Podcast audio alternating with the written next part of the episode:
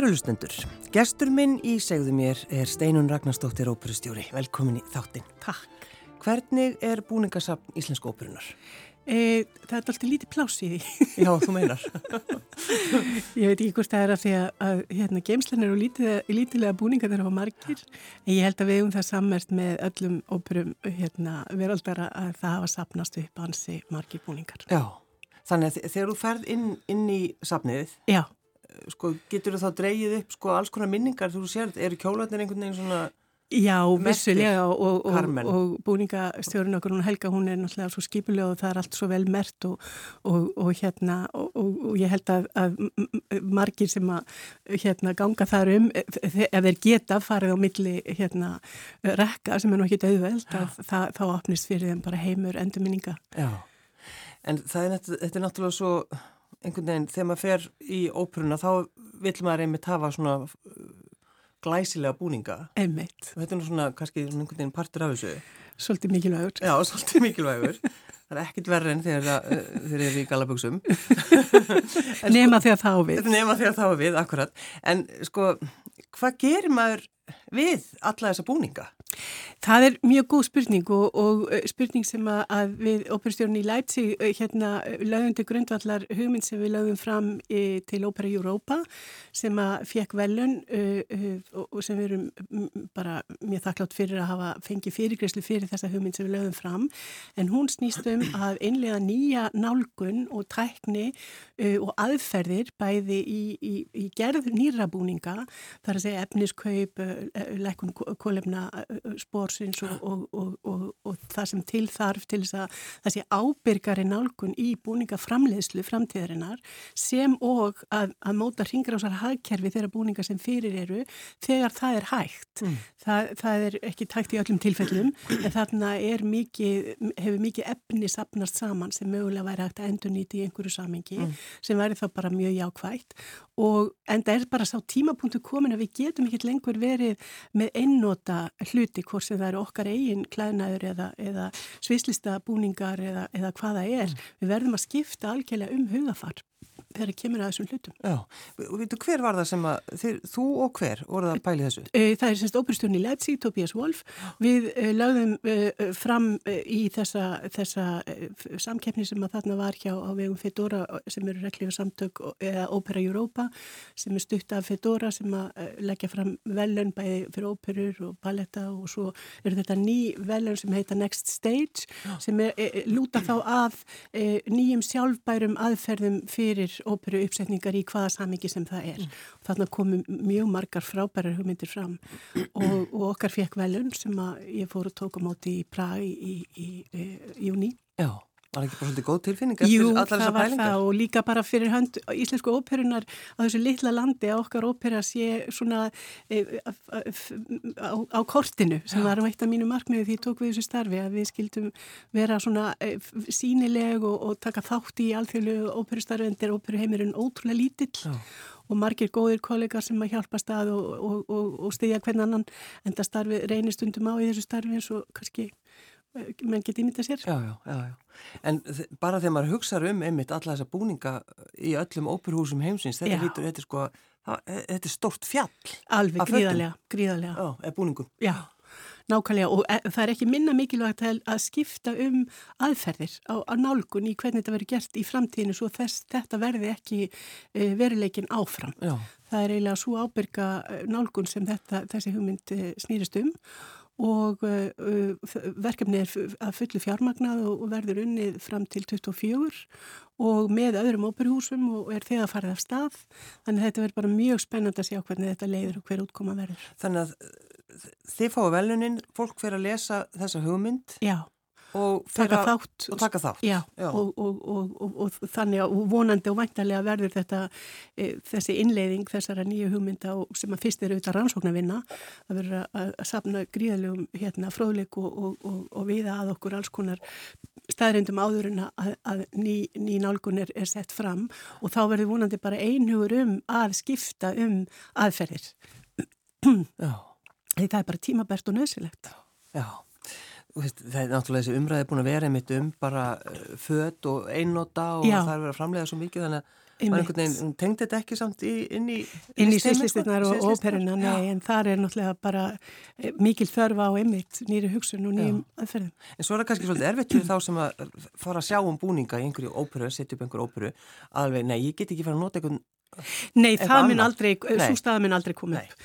Fyr, fyr, fyrirhandi búningar eru náttúrulega höfundarétta varðir Já, og, og, og, og eru bara tengdir þeim uppfæslum sem þeir voru gerir fyrir, mm, mm. en hins vegar þá má kannski hugsa sér að, að einhvert uh, efni í búningum sem verðaldri notaðir geti verið endur nýtt mm. þá og bú, efni viður í nýja búninga. Já, já, en, en, en búningar sem eru gerir fyrir ákveðinu uppfæslu verðaldri endur nýttir í þeirri sömu mynd. Nei, nei, það er ekki einhverju gannu, það gengur ekki.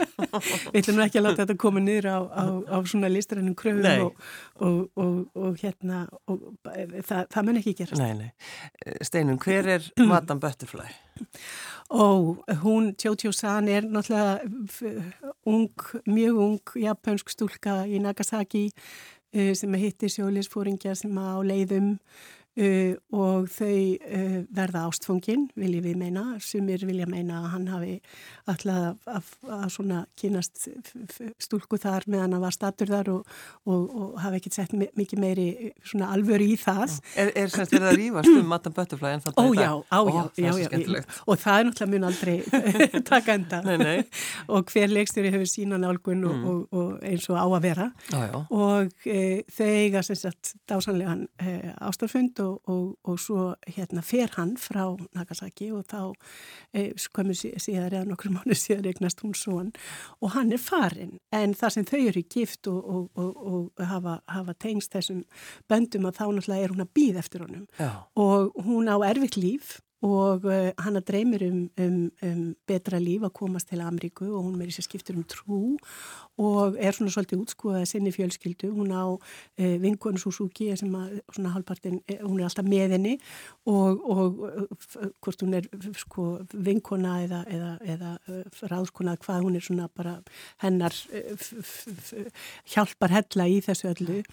Og uh, það líða þrjú ár og hún gefur upp aldrei upp vonina. Mm. og, eh, og þetta er svo þetta er svo svona sár hérna saga og, og innileg og, og tímalauðs og uh, síðan þá kemur hann og ég ætla ekki að fara í smáadriðin en, en sem sagt eh, hún, hún náttúrulega vonast þess að hann sé komin til þeirra. En þá kemur hann með, með eh, Kate sem hann er búin að giftast og þau eru að ná í drengin sem hann er búin að frétta af þannig að hún sér fram á að missa allt. Og eh, sér enga aðra leið heldur hann að taka í, í líf Já. í lokin. Fullkomin ópera en, en hver samti? Það er Puccini. Já. Já. Og er, er eitthvað vitað, veist, þessi saga, er þetta einhverju bók eða? Sko, auðvitað held ég að þetta sé ekkert sko byggt á einhverju, einhverjum algjörlega sönnum atbyrðum en ég held að margi geti tengt sig við svona upplifanir og það er nú bara í minni einn fjölskyldu saga af ömmu minni sem að, að, að átti bat með giftumanni sem að hún varða að láta frá sér og, og, og, og samþykja sig á aldrei og sem var náttúrulega hennar lífsharmur. Var, var það amma þín? Já, þannig að þetta er, þetta er svona saga sem því miður uh, sko margir geta speikla sig í og bara harmleikur og þessar tilfinningar, þessar mannlegu tilfinningar, þær verða aldrei gamlar, þær, þær meðan að við heldum áfram að vera til að þá verði, verða til hérna svona upplifanir á einn eða annan hátt. Þannig að, að ég held að það sé líka ástæðan fyrir því að hún er svona eh, oft flutt og, og, og verðist verið algjörlega tímalauðs mm þó að verði að segja akkurat þessa sögu finnst mér á þeim stað og tíma sem hún gerðist. Mm. Í annars missir hún svolítið gildi og innihald vegna þess að þarna er eh, alveg hygglust verið, þarna, þarna takast á mismunandi menningarheimar og, og, og gildi og ef að það er tekið úr samhengi og fært yfir einhvern annan tími eða stað þá, þá fer innihaldi svolítið á skakk og skjörn og verður erfitt að gera sögunni skil. Já, það var ekki að gemsa inn í þessar óperu. Nei, það verður svolítið erfitt.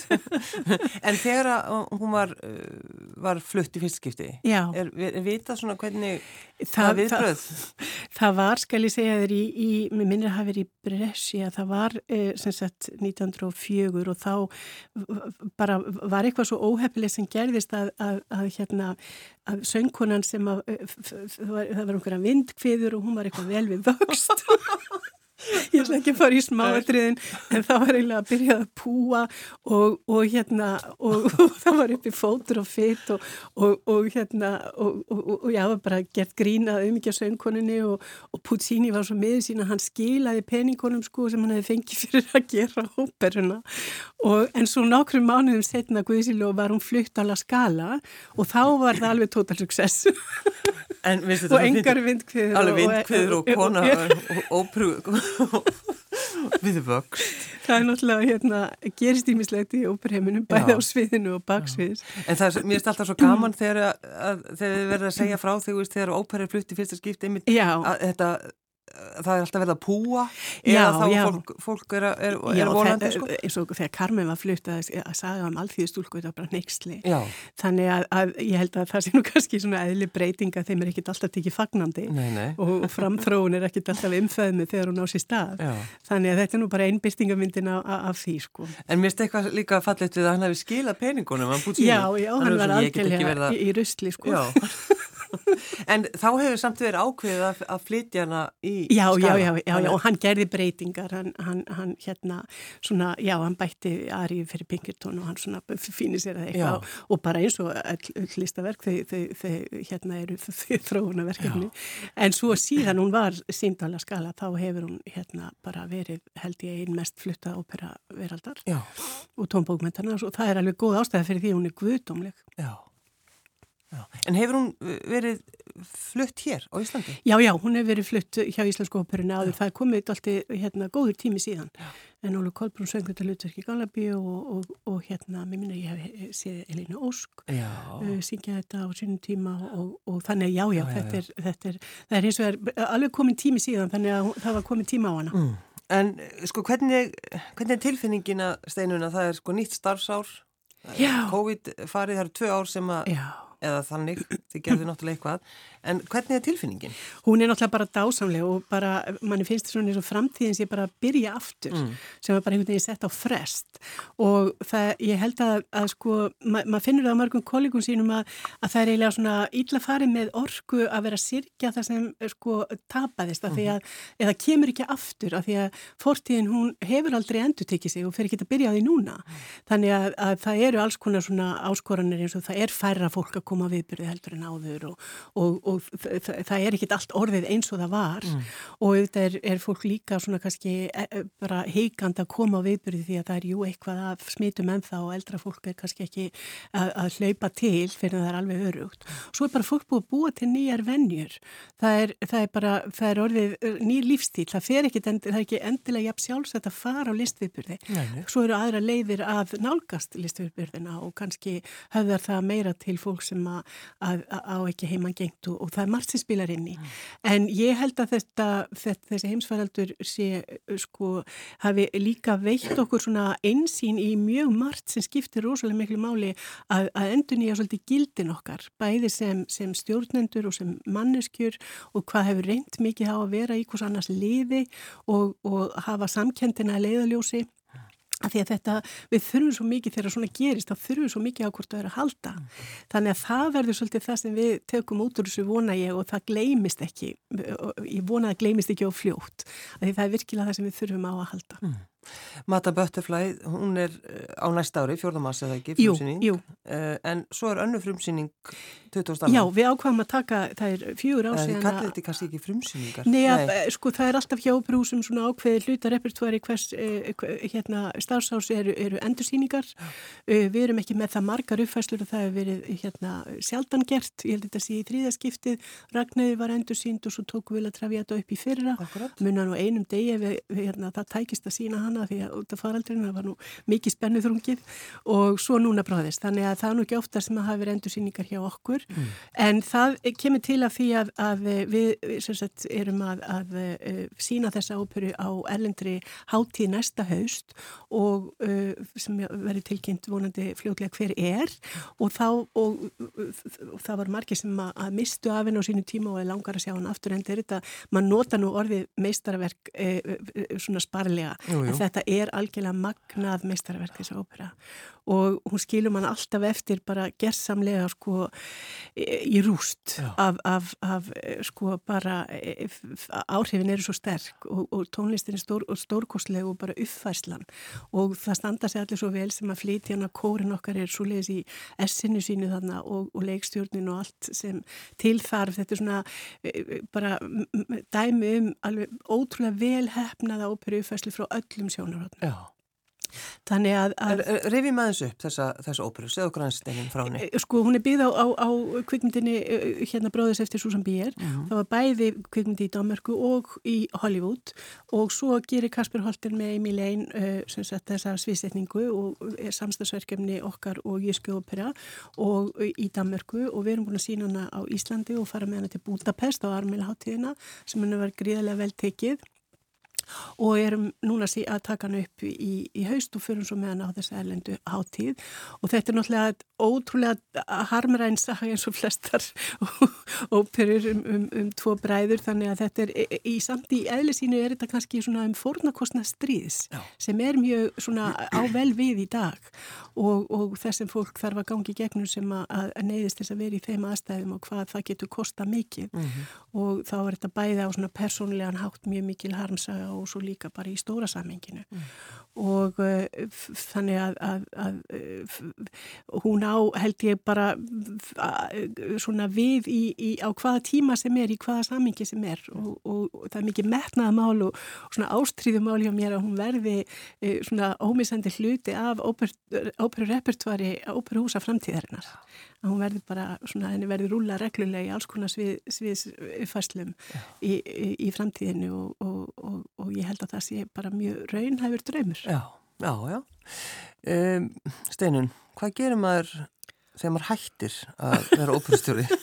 er líf er líf eftir óperuna já, bara þegar að þið kemur, ég er bara með langar svo vita já, þú, það, það er bara mjög verðig spurning því að, að sem að maður náttúrulega getur ekki komist hjá því að velta fyrir sér nei, nei. og það er náttúrulega, eh, ég vil ekki kalla það hönnun að kalla en ef maður sko hef, væri búin að koma sér upp þeirri reynslu og svona þroska og, og seglu sem að maður er búin að sapna sér upp í, í, í svona eh, starfi og, og svo fekk ég smá uppbytun í hörpu að það, ef, ef, ef maður fengi að njóta góðs að því fyrr þegar maður er að strögla og er rosalega mikið á því að halda það væri rosalega blessu jú, jú. en það er ekki alveg þannig nei, nei. þannig að, að það er svona hefur blundað í mér svona þörfinn til þess að, að deila því sem ég hef sapnað mér saman með ungum stjórnundum, listanustjórnundum og, og ég hef svolítið hérna fengið að spreita mig sem alþjóðlegur ágjafi, ég hafa kallað á mig til Írlands þegar þeir voru að, að stopna sína Eh, hérna þjóðaróperu og ég var þar sem ráðgjafi í, í, í nokkuð tíma, nokkra mánuði og fór þó nokkuð oft og, og, og það var heilmikið eh, verkefni og líka hjá, hjá mentamálraðura í Lettlandi mm. og ég, mér fannst þetta mjög gefandi verkefni þessi ráðgjöf og eitthvað sem ég myndi vilja uh, svona hérna gera meira markvist já. þegar að fyrst þú spyrjum líf eftir óperu Já, já, ég myndi að það var alltaf að pæli þessu Þannig að, að hérna og svo hef ég nú haldið píanónu við, ég kann okkur lögða píanó. Já, það er einstaka. Já, já, já og, og hérna, ekki það að maður er að endur taka sér í lífinu en það er nokkuð sem maður verður aldrei frá manni tekið ef maður kann að spila hljóðfæri mm. og, og hérna það er, það er einhvern veginn, það, það sem stendur manni næst þó maður starfið við ímislegt að þá er maður tónlistamæður Já, já, já. Já, hjartanu. Já. Um, sko þegar þú kallur svona tilsteinun var, varstu hissa á því eða? Eins og slumins bara í sko- Írland þegar þeir hafa sambandið? E, ég, sko, það er mjög svona náinn samskipti stjórnanda í, í óperheiminum og, og, og þetta, er ekki, þetta er ekki stór hópur. Nei, nei. Ég hitti stjórnandan frá, frá Spáni í gær og, og þeir koma mikið til Íslands og við hittumst og það er, það er mjög aktíft tengslanett og svona mikil stuðningur og hérna og samskipti Já. og og það er svona lenska erlendis að það er ekki kallað endilega á innlend fólk til að taka ákvarðanir um svona hluti sem ég tel mjög heilbreykt mm -hmm. og ég held að sé bara styrkur í því að fá auðvitaðan komandi fólk sem þekkir ekki til og að yngra hagsmun að geta Nei, og maður þarf að skrifa undir ótal pappir að maður hafi þessi yngir hagsmun áraustur og, og, og, og það er til, til fyrirmyndar. Já. þannig að í rauninni er þetta bara svona, svona gerist þetta. Já, þannig að, að auðvitað var það mikil heiður og hérna mikil tækifæri fyrir mig. Þannig að þú finnur kannski þetta, þetta er eitthvað sem að sem að þú kannski fer að Já, gera. Já, og svo finnst mér líka bara þetta sko upphæð fyrir íslensku óperuna að því það er litið til okkar að virðingu utanfrá já. og uh, þannig að við séum að gera eitthvað sem er til eftirbreytni og þá er, þá er við kallu til til þess að miðla því til annara mm. og það er náttúrulega bara mjög, mjög eftirsóknarverð staða og svo náttúrulega tengsli við menningarferðarmennskuna að það sem það er að koma hérna hópar gert til þess að fara á listviðbyrði, mm. það það fylgir með í kaupunum. Já, það er líka óperan. Já, og, og bara okkar menningarlíf almennt. Já. Það má ekki vanmita þess, þetta samhengi, sko. En Steinun, það er nú svolítið gustað um því núna. Já. Ég vil bara benda þér á það. Þakka þið fyrir það. Mm. Já, já, ég held að maður geti í rauninni bara reikna með því í, í svona störfum en maður tekur að sér að standa í stafni og eins og ég myndist á þá fekk ég að geta þjálfun í þegar við vorum að opna hörpu, það var ekki alltaf lókn og látið það. Nei, nei og ég held að, að, að sko, ég hef nú verið að hugsa mikið um þetta því ég fæ oft spurningun eftir ekki komið rosalega skráp. Já. og ég held að, og, og svarið er nei vegna þess að, að e, ég held að það sé ekkit eftirsoknavert skrápur er þykkur og harður og hleypur einhver gegnum sig sem er þess virði að upplifa, ég held að maður eigi frekar að halda sínum svona taugaendum opnum og, og, og lifandi og svona rækta með sér sko Ég rækta með þessi viðkvæmni. Já. Nei, ég er hins vegar búin að vingast við viðkvæmnina mína. Já. Af því að, að því var alltaf haldið gegn mann í kannada og þú verði ekki svona viðkvæm og eitthvað. En við erum bara fólk og við tökum það nær okkur þegar e, e, einhver veitist að manni eða er ósangjatn eða, eða eitthvað við upplifum eitthvað sem við bara, sem meðir mann. Mm. Sem er bara sammannlegt og ekkert skrítið en hins vegar þá sko eigst manni innri styrkur með aldrinum og seglan einhvern veginn sprettur upp úr því þannig að þetta er svolítið uppgötvun finnst mér að, að það er ekki skrápurinn sem er eftirsóknarverður og viðkvæmnin er kannski manns mest styrkur þegar upp í staði mm. þannig að þetta eru svona það er persónuleg uppgötvunir sem að ég hérna, tek með mér úr þessu og líka bara að þegar maður vinnur úr uh, sínum lífsreynslum að þá uh, tekum maður sjálfa sig út fyrir svig og reynir að horfa á, á, á það sem gerist með svona eins og ég kalla þriðja auganu að, að, að skilja að þetta snýst ekki um mann sjálfan. Sérstaklega þegar maður er með eh, hagsmunni, stopnunar eða fyrirtækis í höndunum sem mann er treyst fyrir og, og það er það sem skiptur öllu máli að maður standi undir þeirri ábyrð. Að því hún nefndi sko þegar þú fórst til Írlands, það var að því þeir stopnuðu þjóðaróperu, það ekki?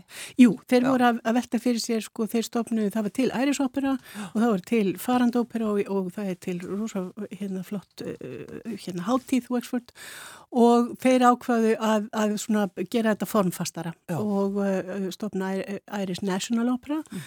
en þeir fóru samt þá leið að e, á endanum eftir mi, mi, mikla skoðun á, á, á starfseminni að þeir eru með það sem heitir Listráð eða Arts Council mm. þeir fóru þá, þá leið að e, sagt, velja eina af þeim, þeim óperum sem sóttu um þetta að fá að standa fyrir þessu að verða Irish National Opera og þeir hafa fimm ára samning við þetta Arts Council en, en gerðu ekki ríkistofnun mm. En á sama hátt uh, hérna fjekk þessi starfsemi á Írlandi miklu meira öryggi heldur en hún hafi búið við og það er það sem við fyrir líka á Íslandi. Ja. Þessi, þessi starfsemi hún hefur uh, ekki búið við mikið öryggi og uh, við meðum ekki gleyma því við eigum þjóðaróperu, það er Íslensk óperan sem hefur þjónað Íslandingum í 42 ára af stórhugi á metnaði og ofta mjög litlum efnum en nú bara komið svo tímapunktur það fara að, að byggja betur undir það óöryggi sem í þessari starfsemi óhjá óhjákvæmilega fælst. En hvað skoðun hefur á því að, að, að því það, það var einmitt byrjað að tala um þetta, Já. það verði að vera þjóðurópera? Já, sko mín skoðun er bara að þjóðuróperin er til Já. og það er bara pólitísk ákverðin hvað er ekstraform verður á henni mm.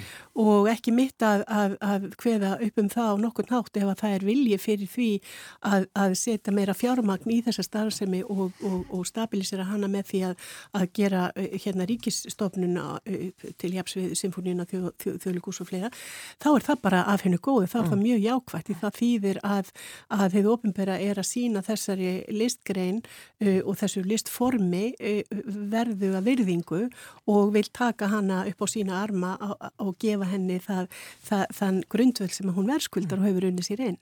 Það er svo gaman að hugsa með um það sko, þetta eru 42 ár síðan að Íslandsk óperan var stofnuð og það er einhvern veginn, er, hefur þetta ekki í rauninu verið alltaf öll þessi ár, það er alltaf verið eitthvað Stöðu lífsætta. Já. Já. Og það er eðli málsins samkvæmt, þá er þessi rekstur, þetta er mjög dýrt listform og þá má lítið út að bregða og það, það, það sko, óperan hefur leiðið mjög vel við haggi í niðurskurði þegar þess við þurft og eftir hrjuni fekk Íslenska óperan mesta niðurskurði allra listastofnana. Mm. Og, en það hver hlustar á óperu? Fruðan okkur tvær. Já. e, já, það er nú samt sko alveg glettilega stór hópur og, mm. og, og hérna útlendingar eins og svo sem ég var að tala við í gæðir, hann bara fórnaði höndum þegar ég sá hann hvaða sko hérna fjölda við fengum á síningar álega með fólksfjöldan bæði í, eh, sko, í borginni og á landinu, mm -hmm. hann bara átti ekki orð. Þannig að... Það hefur bara einhvern veginn, þú veist, maður hefur bara, bara í gegnum árin, þú veist, það hefur verið að rýfast um hitt og þetta. Já, og, það mun alltaf verða, og, og, það verður alltaf umdeilt bæði stjórnundu þeirra listræna áherslur, nálgun og þess vegna á að skiptum listræna stjórnundur með, með reglu og mikilbílega því að, að, að stofnunin og, og, og, og listarnarsýnin litast svo mikið af þeim og bara til þess að, að framtrónu breytingar verði þá er það bara nöðsynlega. Þess vegna eru listarnarstjórnum með tímabunna samninga já, já, já. til að tryggja þetta bara til, eh, til að standa vörðum stofnunar sjálfar og það er eins og það á að vera. En, og það verður alltaf umdelt, bæði stjórnundunni sjálfur og þeirra nálgun listarnarstefna og stofnun. Það mun ekkit breytast hvers sem eh, rekstraformið er. En hittar hann að mála að, að sko Eh, það þarf að vera einhver svona grundvöldur sem er, er, svona sameigileg sáttum að sé réttur til þess að byggja þessa uh, starfsemi á og ég vona að hún verði bara lögti grundvöldlar og, og verði ígrundu vel og bara fælega framkvæmt mm.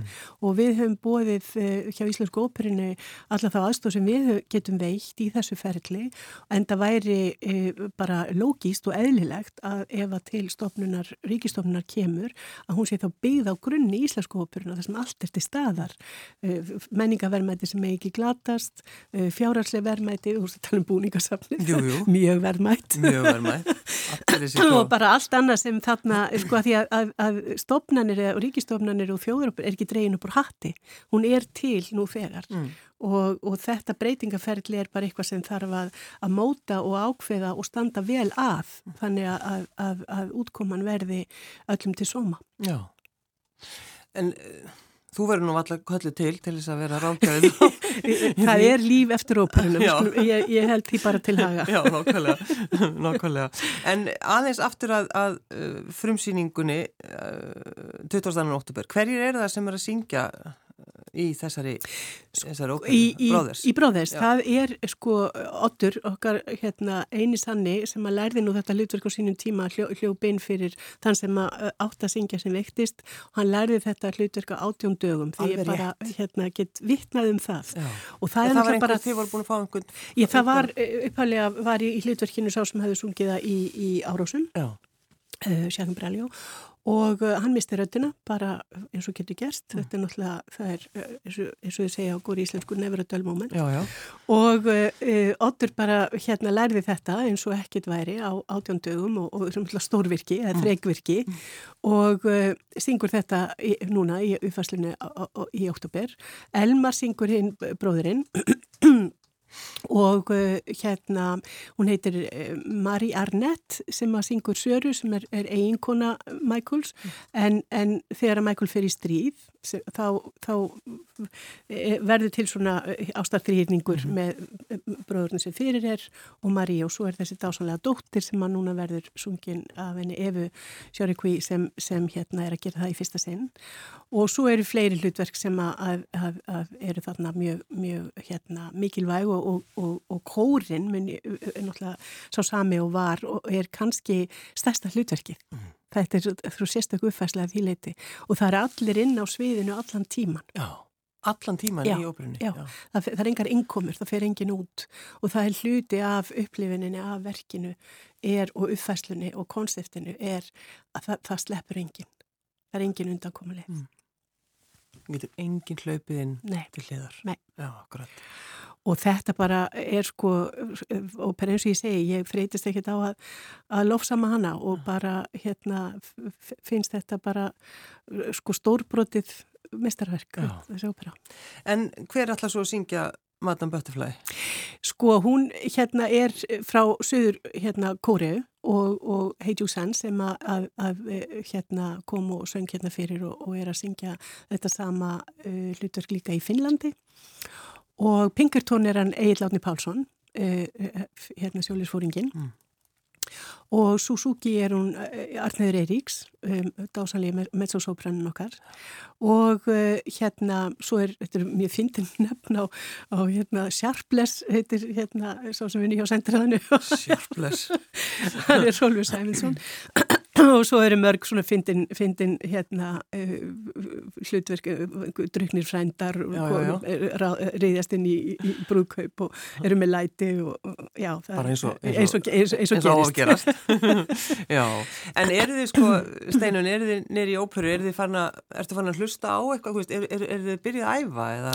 Sko já, við erum að, það byrja æfinga bara í næstu viku á fóræfingar á, á Bróðers sem að Amy Lane tekur að sér sem er aðstofur, sem sagt var hérna leikstjórn með Kasper Holten og svo okkar ágæti og eini sann Níels Tíbús í reyr sem að gengur í öll stör hjá Íslandsku óperinu svo þekkt er orðið og gerir þau öll vel. Mm. Hann allar að, að var aðstofleikstjóri í Budapest þegar við tókum þetta upp þar mm. og hann allar að, að, að skila síningunni í höfn með því að taka setni part æfingarferðlisins mm.